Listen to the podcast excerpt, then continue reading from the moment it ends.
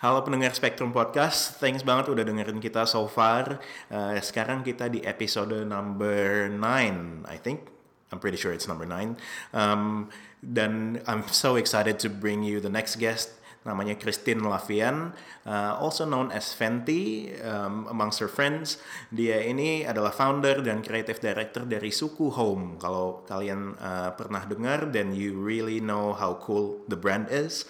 Uh, tapi Suku ini produce apa ya produk-produk um, bedding mainly homewares, bedding, textile uh, yang punya ethnic textures dan uh, apa ya cultural influences yang sangat-sangat kuat. Dan Fenty ini datangnya dari Makassar di Indonesia dulunya sebelum pindah ke Auckland waktu dia masih uh, teenager dan akhirnya pindah ke Melbourne dan sekarang residing in Melbourne building her brand suku which is very very inspiring. So listen to this conversation karena banyak sekali value yang ada di dalam conversation ini untuk menjadi seorang designer uh, dan sebagai seorang entrepreneur juga yang cukup luar biasa. Oke, okay? enjoy guys. Halo teman-teman, welcome to Spectrum, a podcast about all things design for the Indonesian community in Melbourne. With your host, Alvin Hermanto. Uh, Fan, thank you banget nih udah datang. Oh, makasih, makasih. I know you're very busy. Um, maybe give us a quick origin story gitu kayak Fenty ini siapa, datangnya dari mana, terus uh, awal mula suku gitu kali ya. Oke, okay, uh, gue asalnya dari Makassar. Hmm. Um, ninggalin Makassar tuh pas umur 15 tahun. Yeah. Um, jadi finish junior high school SMP, terus gue pindah ke New Zealand. Hmm. Dari New Zealand uh, sebenarnya nggak beresin SMA sih, terus gue pindah ke Melbourne. Okay. Di Melbourne gue ngambil foundation design, um, and then uh, I took com communication design di Okay. RMIT. Um, jadi sebenarnya agak-agak mirip grafik tapi kayak uh, mencakup banyak sih agak Iya, bagus communication lebih design. gitu ya. Iya, yeah, it- everything mul- multimedia. Um, a lot of people take it ya di sini. Iya, iya. Um, terus graduate dari itu uh, gue kerja um, di retail. Jadi my my um, strongest background itu retail for eight years buat um, salah satu company fashion di um, Australia namanya Zimmerman. Oh iya, Um, pada tahu. Nah. They're really big now. Iya, iya. Um, gue mulai kerja. Maksudnya kerja di shopnya gitu ya? Ah, jadi manager. Jadi pas gue cabut, uh, which is like two years ago itu, I was a senior manager. Um, and I did lots of training as well. Um, so that's Jadi the waktu story. setelah um, waktu setelah uni itu langsung ke retail gitu kerjanya. Jadi pas lagi uni gitu, part time gue emang uh, di retail. Emang di um, retail, ah. To pay a bit of bills. Iya, iya. Um, terus sambil uh, also do like a bit of um, design projects. Um, and then straight after that, Hmm. Design uh, projects itu maksudnya kayak graphic design. Yeah, graphic design. Um, I was working for this magazine. Uh, waktu itu mula, uh, udah lama banget sih. I don't think they exist anymore. Namanya Helmet Magazine. Oke. Um, for one project, and then I didn't really like it. And then makanya pas begitu lulus kuliah, I decided that, that maybe I should just stay in retail. Soalnya kayak gue lebih enjoy customer service and um, my passion was there at that time. Passionnya lebih ke retail secara operational retailnya. Ya, secara atau operational. lebih ke fashion, the fashion part of retail. Atau Well, a bit like 50-50. Obviously, people stay in retail because they like the fashion side of it. Yeah. Tapi um, gue pengen belajar aja uh, Hmm. how to run a store. At that time, gue tuh nggak pernah mikir kayak bakal punya brand. Hmm. Um, but I do believe that you always do something at that time for something bigger in the future. Of course ya. Jadi kayak gue ngerasa kayak kayak gue mau stay deh di sini gitu. Mau stay. Hmm. Tapi itu taunya begitu itu setelah udah mulai kerja di retail dong. Udah mulai Dulunya kerja. waktu masih kuliah desain segala macam belum kepikiran begitu kan? Iya. Kerja retailnya tuh just to pay bills like you Yeah, said. yeah. But also um because when I was doing the job, gue tuh bener-bener senang gitu. Kayak I I want to go to work. Hmm. Yeah. Um, it's not like I'm just doing it Yeah, just to pay the bill like aja. dragging yourself going to work and you know it's gonna Exactly. be shit day yeah. gitu kan ya. Yeah. Oke. And then pas begitu lulus, um, ada opportunity full time di retail. And at that time gak ada opportunity full time di graphic design Hmm. and my main goal at that time is to stay in Australia to stay in Melbourne Oke. Um, jadi gue pikir kalau kalau misalnya retail bisa bikin gue tinggal di Melbourne, I have to do this Hmm. because my main goal is not to do uh, a specific profession, but my main goal is to have a lifestyle in Hmm. di Melbourne. Melbourne. Yeah. Oke, berarti you were even that time you were already kayak lifestyle focus gitu kan ya? Yeah. Berarti the things that you like or enjoy di sini tuh you're living in Melbourne gitu. Correct, yeah. Jadi tujuan kerjanya itu kurang lebih to accommodate, accommodate that juga. Yeah, yeah. Okay. I had this interesting um, conversation with someone actually last night at dinner, because she was like, "I'm in my late 30s, uh, in my late 20s. No, I'm, I'm already 30. Late 30s. I'm already 30. Klarifikasi. yeah, bohong bohong. Anyway, um, and she's like in her. dikat aja yang itu. Um, she is in her early 20s, um, and she asked me like a really good question. She's like, "Do you always know what you wanted to do?" And I say, "Actually, no, but I always know I want to stay in Melbourne." Jadi how? Jadi big picture-nya itu mau stay di Melbourne. Yeah, yeah. And I listened. I had. Um, I listened to this really interesting podcast. I'm sure you guys know Debbie Millman from Design Matters. yep, yep. Um, she had this really interesting interview with Tim Ferriss once. Tim um, Ferriss, I yep. listened to it like last year, and it really resonates to me.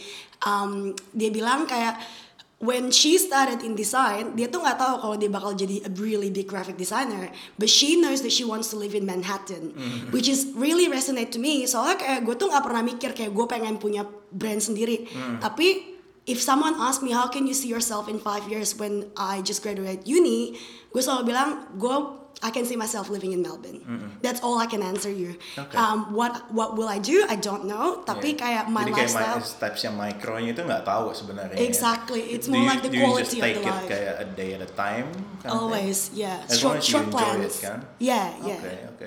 Jadi lucu juga berarti habis setelah graphic, eh, sorry, communication design tadi, Mm-hmm. sebenarnya nggak pernah kerja di design, as in like graphic design studio atau communication No. design gitu kan? Enggak. Di retail, and then your life kind of just carries on from there. Yeah. That's amazing. Terus jadi dari Zimmerman, jadi selama retail itu di Zimmerman, Yeah, nggak di brand-brand yang lain. Yeah. Sampai jadi manajernya itu di Zimmerman kan ya? Terus transisi dari itu ke itu ke suku dong setelah dari itu Yeah, langsung? straight after that How, langsung how, what's the suku. process itu? Um, so obviously doing something for eight years, you will hit like a stagnant moment kan. Dan pada saat Stagnan maksudnya ini mulai jenuh atau uh, mulai jenuh dan mulai mempertanyakan kayak, oke, uh, purpose? yeah, what what do you want to do with all this skill? Soalnya kayak gue tuh percaya kalau misalnya lu uh, growing, you will always hit like a certain um, stagnant, and then it's it's up to you whether you want to keep on growing again. So it's kind of like a, a stair kalau kamu bayangin kayak Yep. up straight up straight up Yep. straight. Um, and when I was hitting my straight point, gue mulai mempertanyakan, okay, I've got all this skill, I've got a retail background and I've got a design background, and I like working for Zimmerman. Don't get me wrong, but I like to have a more like um, I like to have more freedom, um, and then equals have your own Have your own company. business. Yeah, yeah. Tapi at that time itu bagian di mana I get to stay in Melbourne-nya itu udah ada dong. Like, udah ada, oh, udah itu ada. udah pasti kan. Yeah, I've got my like own friendship group, like Yeah. you know, which has become my You family. become a Melbourneian at that time udah. Iya, iya, udah bener-bener my heart and soul udah di sini banget Uh, gitu. Lalu uh, jadi mulai suku ini it's a new adventure. You want Yeah. more challenges. Yeah. And you want that you want to have that own freedom gitu kan. Yeah. Oke, Yeah. terus ide ide sukunya ini datang dari mana? Eh, jadi pas waktu itu um, gue udah kerja di Zimmerman for almost like five to six years. Itu, itu dua tahun yang lalu, dua tiga tahun yang lalu. Um, I think a bit more than that. Terus um, udah lumayan agak uh, tahu banget how fashion business work. Um, Jadi dan dari sisi uh, dari sisi retail ops itu udah lumayan ngerti banget dong ya. Iya, uh, uh. kalau misalnya uh, mereka buka toko, biasa uh, gue yang disuruh training orang-orangnya, Hmm. atau misalnya ada toko that that's not doing really well, gue Hmm. yang ke sana dan figure out what's going on gitu. Jadi udah lumayan ada And you background. to head office juga. Ya, udah mulai ada ada background di mana how to put together a store gitu kan, or like a bis a small business. Um, but also dari situ gue mulai tahu apa nih yang gue nggak suka dari dari industri ini. Kalau misalnya gue punya brand sendiri, what am I what I'm gonna cut out of it gitu. Um, dari situ mulai gue berpikir kayak oke, um, retail can be anything. It doesn't have to be fashion, and the way you express yourself can be anything. Um, itu coincidentally juga uh, pas gue lagi pindah tinggal di rumah sendiri sih. Um, jadi as like a young adult, gue udah bisa afford my own space, afford my own um, life. Iya, iya. Um, terus gue mulai uh, ada passion di di interior, um, you know, um, making my room prettier, making my house look prettier.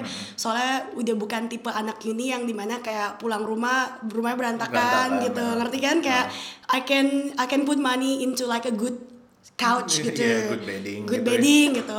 Terus um, at that time gue ngeliat kayak ada gap di di bagian di mana uh, nggak ada really good bedding um, yang yang menurut gue I wanna put I wanna I wanna buy gitu. Mm-hmm. Um, and then I was like, why don't I just make a bedding?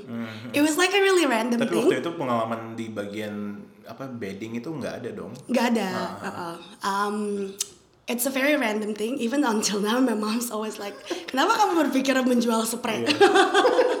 Spray. ya kamu ya biasa lah ibu-ibu. Iya. uh. And then I was like, I don't know. Um, tapi buktinya jalan kan? Iya iya. Oke, terus eh, jadi konsepnya suku ini sendiri gimana kan? Dan what what, Um, does- what makes it different menurut lo? Karena kita mengambil um, like old traditional technique and make it modern. I think that's a very basic core of it. Um, Traditional in in the sense of like dari culture mana nih kayak dari Indonesia. Dari dari, Indo, Indonesia.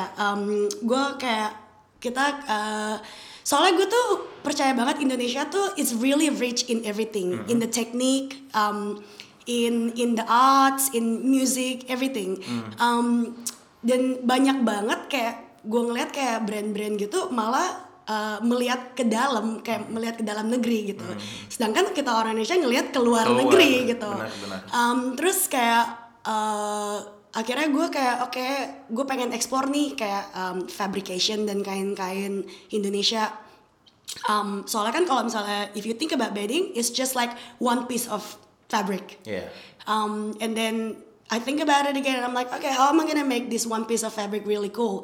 And then um, apply the old sort of like technique which is like a batik batik print.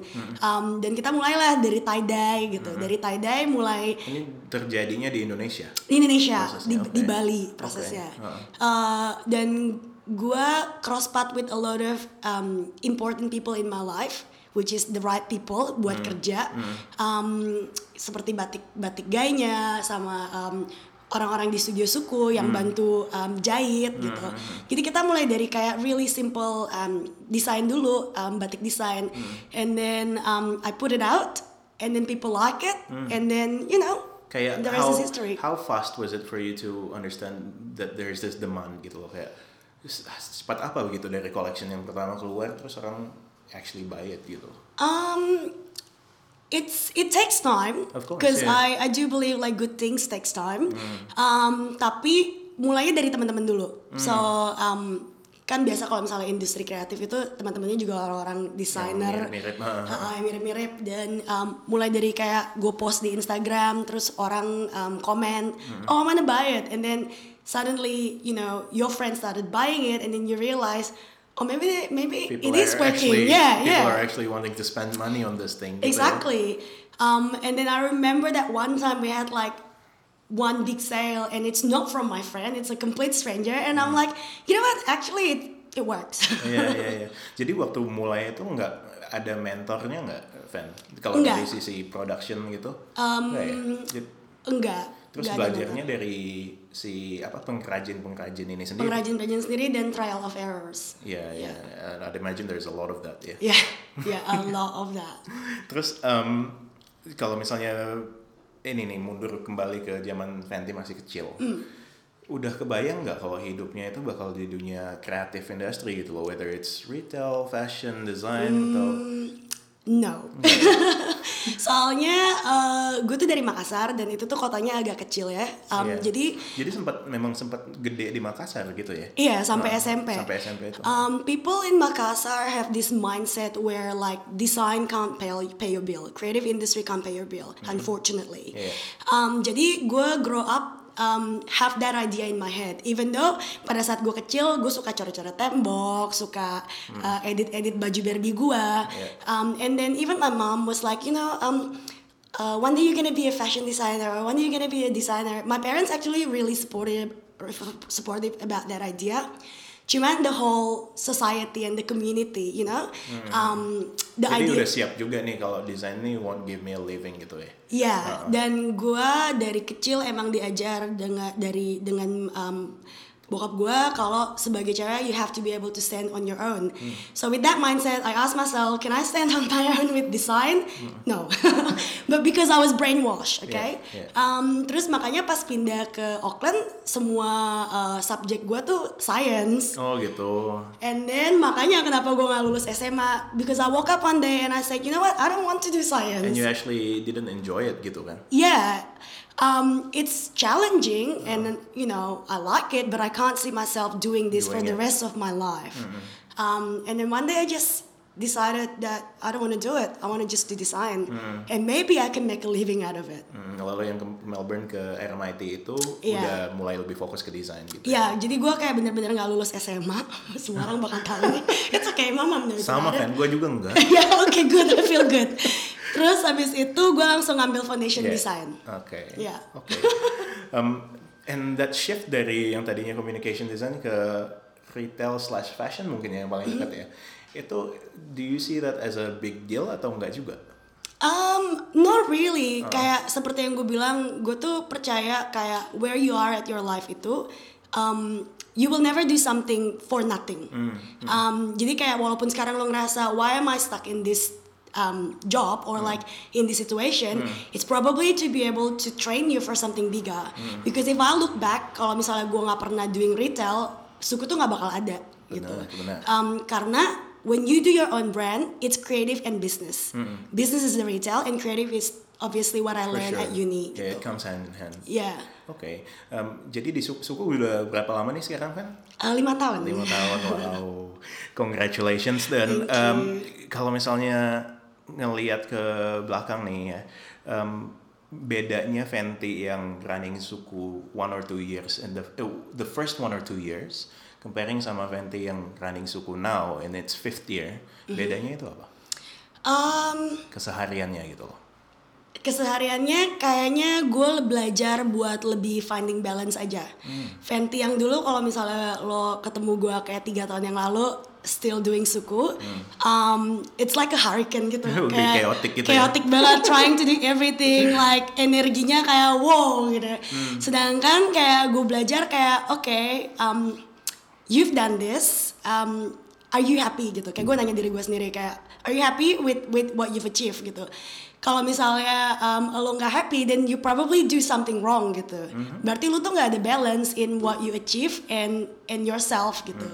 Um, dan kayak gue belajar sebenarnya kayak satu setengah tahun terakhir sih.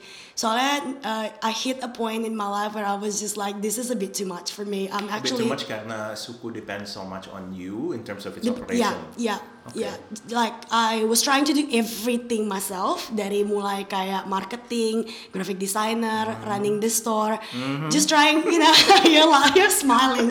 You've probably Sounds so been there. familiar. Yeah, because you know, as a human, obviously you want to try to do everything yourself. Tapi kalau lo mau growing, you can't do everything dan lu yourself. orangnya ini nggak fan kayak perfeksionis banget nggak? Perfectionist banget. Tapi seperti yang gue bilang, kayak gue udah belajar kayak you know what, flaws is actually beautiful as well. It's actually part of it. Yeah. It's actually part of it. Um, s- yeah, I think I learned a lot. That's awesome. So speaking about learning a lot, when we come back kita bakal ngomongin soal hal-hal yang challenging banget nih. Karena I think those are the kind of things yang bakal punya value banget banget buat orang yang dengerin. Karena a lot of people go through hard things in their lives kan. Yeah. And how do you get back on it? Okay. Definitely. Thank you.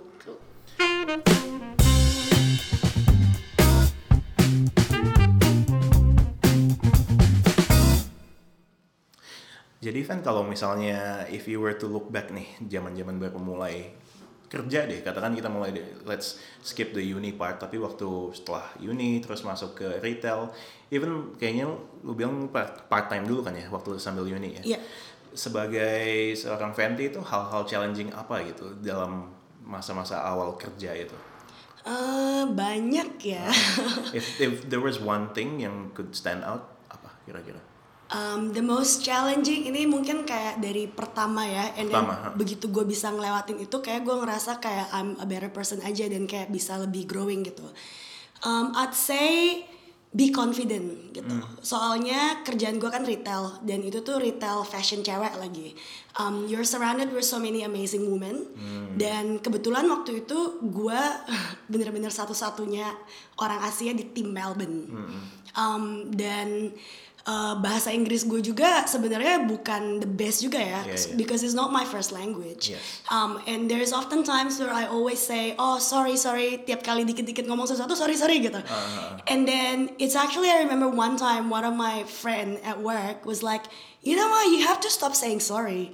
Terus kan kayak, oh uh, tapi gue takut salah ngomong. Terus dia bilang kayak, no, first of all, um, if you think about it, you can speak two language and I can only speak one gitu.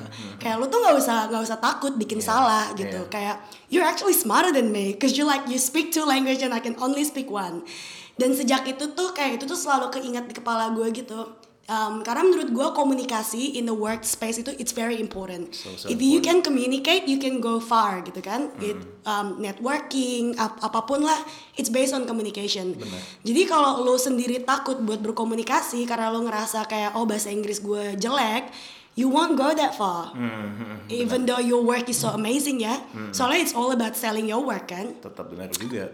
So I think benar-benar begitu gue bisa ngelewatin that part yang kayak gue selalu ngerasa kayak eh bahasa Inggris gue bener nggak ya nih atau kayak then you know I feel like I'm just a new person aja in the work in the work Jadi area. um, if there was one thing tadi jawabannya adalah confidence itu ya ke, Yeah. ke diri sendiri and it's mainly just because language maybe yeah, definitely just language. and maybe by nature you're quite kayak tadi misalnya perfectionist and quite critical to yourself jadi Yeah. bisa identify kayak ah kayaknya gue kurang di bahasa nih gitu jadinya Uh-uh. agak minder sendiri gitu loh Iya. padahal maybe for your friends it's fine Yeah, as maybe long as for the can- customers it's okay juga Yeah. as long as you have that confidence kan. Exactly. benar juga Or as Berarti- long as you can send the message across. you can send the message across. Yeah. Karena in a daily conversation, maybe it's not so much about your grammar juga. Iya. Dan berarti cara menghadapin ini itu literally kayak it's just a mind shift gitu ya. Ya, it's just a mind shift. Um, dan gue kayak uh, ada be- sebenarnya bukan cuma orang Indonesia aja sih kayak gue sering banget kan training anak-anak muda dan kebanyakan orang-orang yang gue training dulu tuh um, kayak it's their first or second jobs. Um, and it's very hard for them. Communication it's like it's like number one sih menurut gue ya. Um, in anything um, in my work of um, in my job gitu. Terus um, banyak banget orang-orang tuh di mana kayak mereka tuh kayak malu gitu buat ngomong dan um, I found that even in my staff juga kayak anak-anak yang And we're baru. not specifically talking about Asian people. No, no, just Uh, people in siapa aja, general uh. gitu. Um, padahal sebenarnya as long as like I say, as long as you can send your message across, that's the most important bits. Hmm, And maybe you actually care about this customer gitu ya. Yeah. Oke. Um, jadi kalau misalnya kita ngomongin soal uh, potensinya desain desain industri nih, um, whether it's fashion atau graphic or whatever it is, menurut lu kan uh, desain industri ini punya masa depan yang masih cerah nggak sih sekarang ini? I think masih banget. Uh-uh. Apalagi kayak eh, di Indonesia ya. Kayak gue barusan balik kayak Januari dan gue tuh udah lama banget nggak ke Jakarta. Kayak terakhir ke Jakarta maybe two years Hmm. So ago. much potential gitu ya Indonesia so ini. much potential. I was actually really understand. inspired gitu buat Yeah. ketemu orang-orang ini. Soalnya banyak banget orang-orang yang pernah sekolah di luar balik ke Indonesia, balik, ah. um, and they they change the industry. Um, they make it their own, which is Yeah, cool. Yeah, I think it's that level of generation sekarang yang mulai Yeah. naik gitu loh. Yeah. Heeh, jadi um, kalau misalnya dari sudutnya fashion sendiri nih, or let's talk about suku gitu loh, ada challenges nggak yang membuat apa ya misalnya barangnya ditiru atau gimana gitu that it becomes I don't know this cheaper version of it gitu. Pernah nggak Ada. ada hal-hal? Iya, gitu? pernah. Hadapinnya gimana tuh, Van? Um, gue pasti agak agak sedih ya. Hmm. Um, I was actually a bit pissed off. so you've had this experience. Yeah, yeah, twice actually. Uh, dan kayak yang satu tuh bener-bener complete copy, Hmm. yang satu lagi katanya we got inspired by you, which is Can I okay. ask, are these in Australia atau This di is in Indonesia. Di Indo- Makanya kayak gue malah bener-bener kayak masa sih lebih sedih gitu karena yang yang ngopi orang Indonesia. Um, but then it just depends on how you look at your your business and why you're doing it, why you're doing your brand. Um, one of my close friend was like, um, she gave me a really good um, like feedback on it. She said, "You know what? Um, it's it's good that someone copy you. That means that what you're doing is actually um, is actually right for them to copy it." Yeah. Terus kayak um, terus abis itu kayak gue bilang ya tapi kan kayak idenya dari gue tapi nanti they're making more money because they're making a cheaper version. Um, but then she said yeah but then the cool people won't wear it. People who you look up to won't wear it. Because my idea of like success is when like someone I look up to or like you know um, people that inspired me wear my collection. Kayak ngerasa kayak um, wow I made it gitu kalau misalnya Yeah. um, someone I look up to wear my clothes. Has that ever happened? Yeah, yeah, um, awesome. twice actually. Jadi kayak gue dulu suka banget sama Ryan McGinley. Um, actually the first photography book that I bought was his book. Dan pas gue buka toko juga, we had his book on the table. um, and then one day um, he like we chatted on um, Instagram message, and then he said, "Yeah, send your stuff to me." Wow. And then he put it up, and that was really, you know, that was really like, it. oh. Yeah. Um, and then another one is girl boss um, Sofia Maruso. Yes. Um, oh, really? Yeah, yeah. And that was really um, amazing as well. Soalnya gue inget banget uh, salah satu buku yang gue baca buat start my own brand was Girl Boss. That's inspiring, yeah. Yeah, so you know what? If I think about it that way, um, all these other things doesn't really matter. Wow, that's awesome. Jadi on a daily basis itu what is it that makes you motivated gitu? Dan sekarang kan, I mean I've run my business for five years now. Jadi there are those parts di mana, okay, what else can I do to make Yeah. myself motivated? Like Yeah. I'm sure you probably go through the same thing. Yeah. Hal-hal apa aja yang mem- yang memo- memotivasi Fenty gitu loh dalam on a daily basis? What is it that you look forward to? I think the people that I work with. Okay. Soalnya kayak when I see the people that I work with, gue ngerasa what I'm doing is right. Soalnya I feel like I'm surrounded and I'm working with lots of inspiring people, and that makes me feel like, you know what, what I'm doing is I think that I'm on the right path. Yeah. Yeah, and uh, that's my self motivation every day. Yeah, yeah, that's awesome. Then, um, so now you have a, a team kan di sini kan, Uh, and each of their role itu cukup special nggak buat lo nya?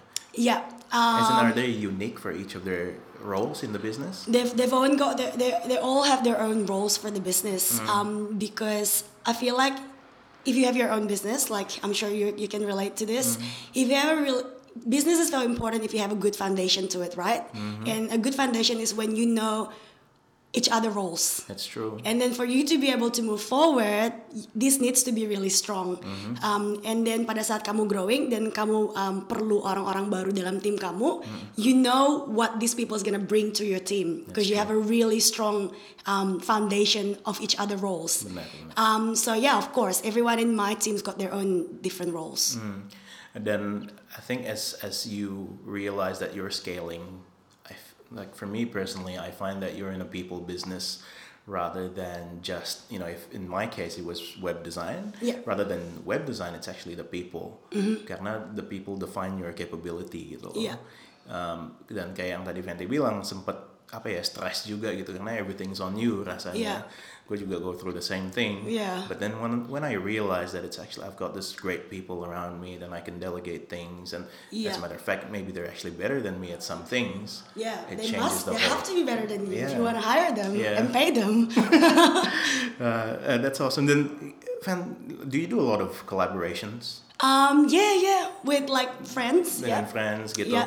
Um, what do you think about collaborating as a brand gitu loh? That I guess the point that I'm making is banyak orang tuh yang ngelihat misalnya gue punya brand sendiri nih, cuman you see everyone else as a competitor gitu loh. Yeah. Whereas one of the things that I'm trying to advocate itu is you have to work together dan 100%. harus enrich each other gitu loh. Yeah. Like if I look at another graphic design agency misalnya, I don't actually see them as a competitor. Yeah. I see them as my peer. Yeah. That if we do Something good things together, together, yeah. it actually enriches the industry. What are your thoughts around it? Um, I agree on that. Um, I've got a really good example actually. Jadi uh, salah satu hal yang paling gue suka dari suku itu, um, tas yang paling gue suka dari suku itu adalah art direction campaign gue. Um, I always enjoy doing that. And this is like photography and stuff like that. Yeah, um, well, directing the art, like the the campaign. The campaign. hmm. Terus, um, I remember even thinking about maybe I should do this as a job, like you know, uh, Yeah. selain suku, mungkin gue masih bisa brand do lain people gitu. uh, um like art directing other people's um campaign. And then I remember one day gue ngelihat kayak uh, campaign salah satu brand lain, Hmm. di mana gue ngelihat yang kayak Wow, this person is really good. She's actually better than me. Dan she lives in Melbourne. Hmm. Yeah. Dan seperti yang lo bilang, instead of looking at her as my competitor, gue ngeliatnya yang kayak, you know what, I wanna work with her. Terus kayak, um, ini ceritanya dua tahun yang lalu. Um, and then our life never really cross path gitu. Tapi dia di di circle of friend gue. Dan gue selalu ngeliatin Dia kerjaan dia. suku, Iya, gitu. iya. Dan gue selalu tiap kali ada koleksi baru dia, gue selalu ngeliat campaignnya. And her campaign is like amazing, always amazing. Um, dan gue inget kayak waktu itu kayak, oke kalau misalnya gue bakal kerja jadi art director nih, darah kompetitor gue bakal cewek ini gitu kan. Um, tapi, Benchmark gitu ya. Iya, benchmark. Terus abis itu one day gue mikir yang kayak, um, instead of thinking like that, why don't I get her to direct my campaign? Hmm. And then I did. And that was the last campaign yang kita bikin ini Recently. recently. And to be honest, So if we look at suku sekarang ini, campaignnya itu dia yang direct gitu ya. Yeah, and to be honest, that's probably the best um, campaign we've ever done. Wow. Art direction way ya. Yeah. Um, because yang seperti lu bilang gitu, instead of thinking about it as like you know uh, a direct competitor, why don't you make something great together? Dan sekarang kita jadinya malah jadi kayak temen gitu. Yeah, I Um, love stories like that, man. yeah. It's, it's awesome. um, ke depannya ada rencana seru apa nggak, Fan? Atau this is a hush-hush thing that you don't really want to talk about? It's also fine. Um, no, I like Atau talking about things. Expansion atau apa gitu? Ada ide apa Um, nggak? Suku? expansion definitely. Uh, terus I really wanna do. I really wanna bring the brand to another countries as well, not just in Australia. Hmm, Di Indo itu suku ada tokonya nggak? Atau Uh, belinya ada. online? Uh, online. Online. Um, sama kita di Escalier Bali juga. Oke, Sama ada stok ada, gitu ya? iya stokis. Sama di Masari di Jakarta juga. Oke, that's cool. Dan kalau di sini mau beli suku paling gampang online sama yang di Elizabeth ya? Iya. Alamatnya di mana? Uh, level 1 187 slash 193 Ya, nanti Elizabeth kita- Street. Nanti kita list down deh dan kalau mau lihat latest collectionnya suku paling gampang di website kali ya, Iya. sama Instagram kali ya atau. Iya, Instagram. Mhm. And uh, one last question nih, Van. If there was one thing that you could do where money doesn't even matter anymore, what would it be? Hmm. Traveling? But then you need money to travel. Where money doesn't even matter anymore. So traveling. I think traveling. Any yeah. particular region yang you really want to visit or want to Um, not really. I just want to travel around the world and being able to work from wherever. Yeah, awesome. Well, I hope Suku's on the same path, and and I wish you all of the success. Thank you so much, you. Lafan, for having joining in. Okay, thank you. Teman-teman, thank you banget udah dengerin Spectrum Podcast sampai hari ini. Buat kalian yang udah follow, I really do appreciate it. It would mean so much to me kalau misalnya kalian bisa share ke teman-teman yang lain yang punya interest di bidang ini atau just have an interest around Melbourne, eh, sorry, Melbourne Indonesian community uh, di sini di Australia atau di Melbourne specifically. Um, dan juga I would really appreciate if you can review and rate and like and pretty much share the love for Spectrum Podcast. Um, we have a great vision around it. Uh, kita pengen membangun komunitas desainer. Uh, mungkin start di Melbourne dulu karena saya di Melbourne. Tapi uh, the idea is for the whole Australia dan mudah-mudahan kita bisa ngasih banyak value dan impact ke komunitas-komunitas yang lain melalui uh, komunitas desain Spectrum Podcast ini. Dan buat teman-teman yang udah menjadi bagian dari Spectrum Podcast dan sudah berkontribusi, thank you so much. I really do appreciate it. It means the world to me. Okay? Thank you.